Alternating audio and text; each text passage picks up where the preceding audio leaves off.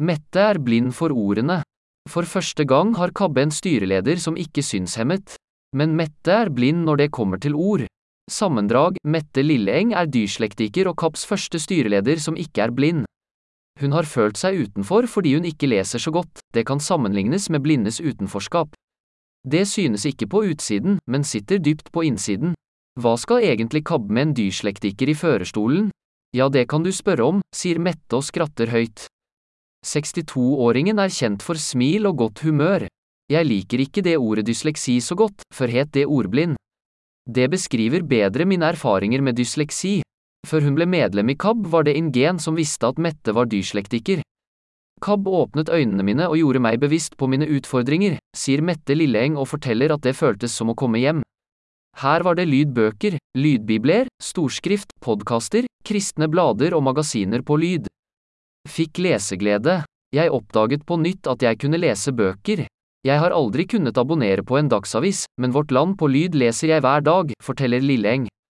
Men hva er likheten mellom dysleksi og synshemming? Det er vel først og fremst en god del forskjeller, samtidig som det er noen sentrale likheter. Vi blir ofte utestengt fra deltakelse i aktiviteter og demokratiske sammenhenger i kirke og kristenliv, fordi vi ikke får tilgang på informasjon og materiell. Det er jo diskriminering. I tillegg opplever vi en del kjipe situasjoner. Jeg tør ikke bestille noe på internett, for jeg klarer ikke alltid å oppfatte hva jeg kjøper. Digitale barrierer finnes både hos synshemmede og personer med dysleksi.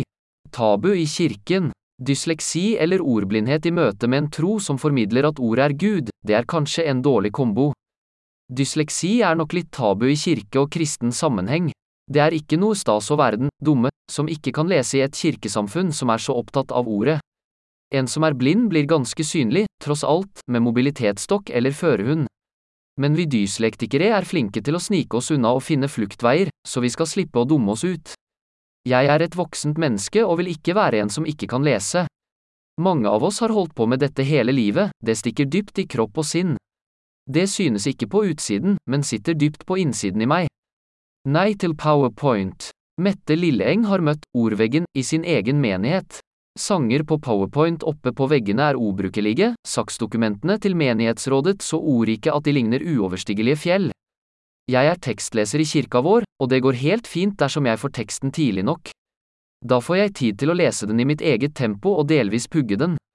Men problemet for både dyslektikere og synshemmede er gjerne at teksten kommer for sent, eller aldri, fordi kirken ikke prioriterer det. Da blir det jo ikke så lett å føle seg regnet med og inkludert, avslutter Mette Lilleeng. Lytt og støtt KAB. KAB jobber mot diskriminering av mennesker med funksjonsnedsettelser. Vil du være med å hjelpe oss? Vi trenger flere støttespiller. Uten bidrag fra enkeltmennesker klarer vi aldri denne jobben. Det er flere måter å støtte KAB på. Du kan støtte KAB ved å lytte til Bibelen på lyd og andre kristne lydbøker fra KAB på Storytel og Nextory. For hvert minutt du lytter, så går det penger til KABs arbeid.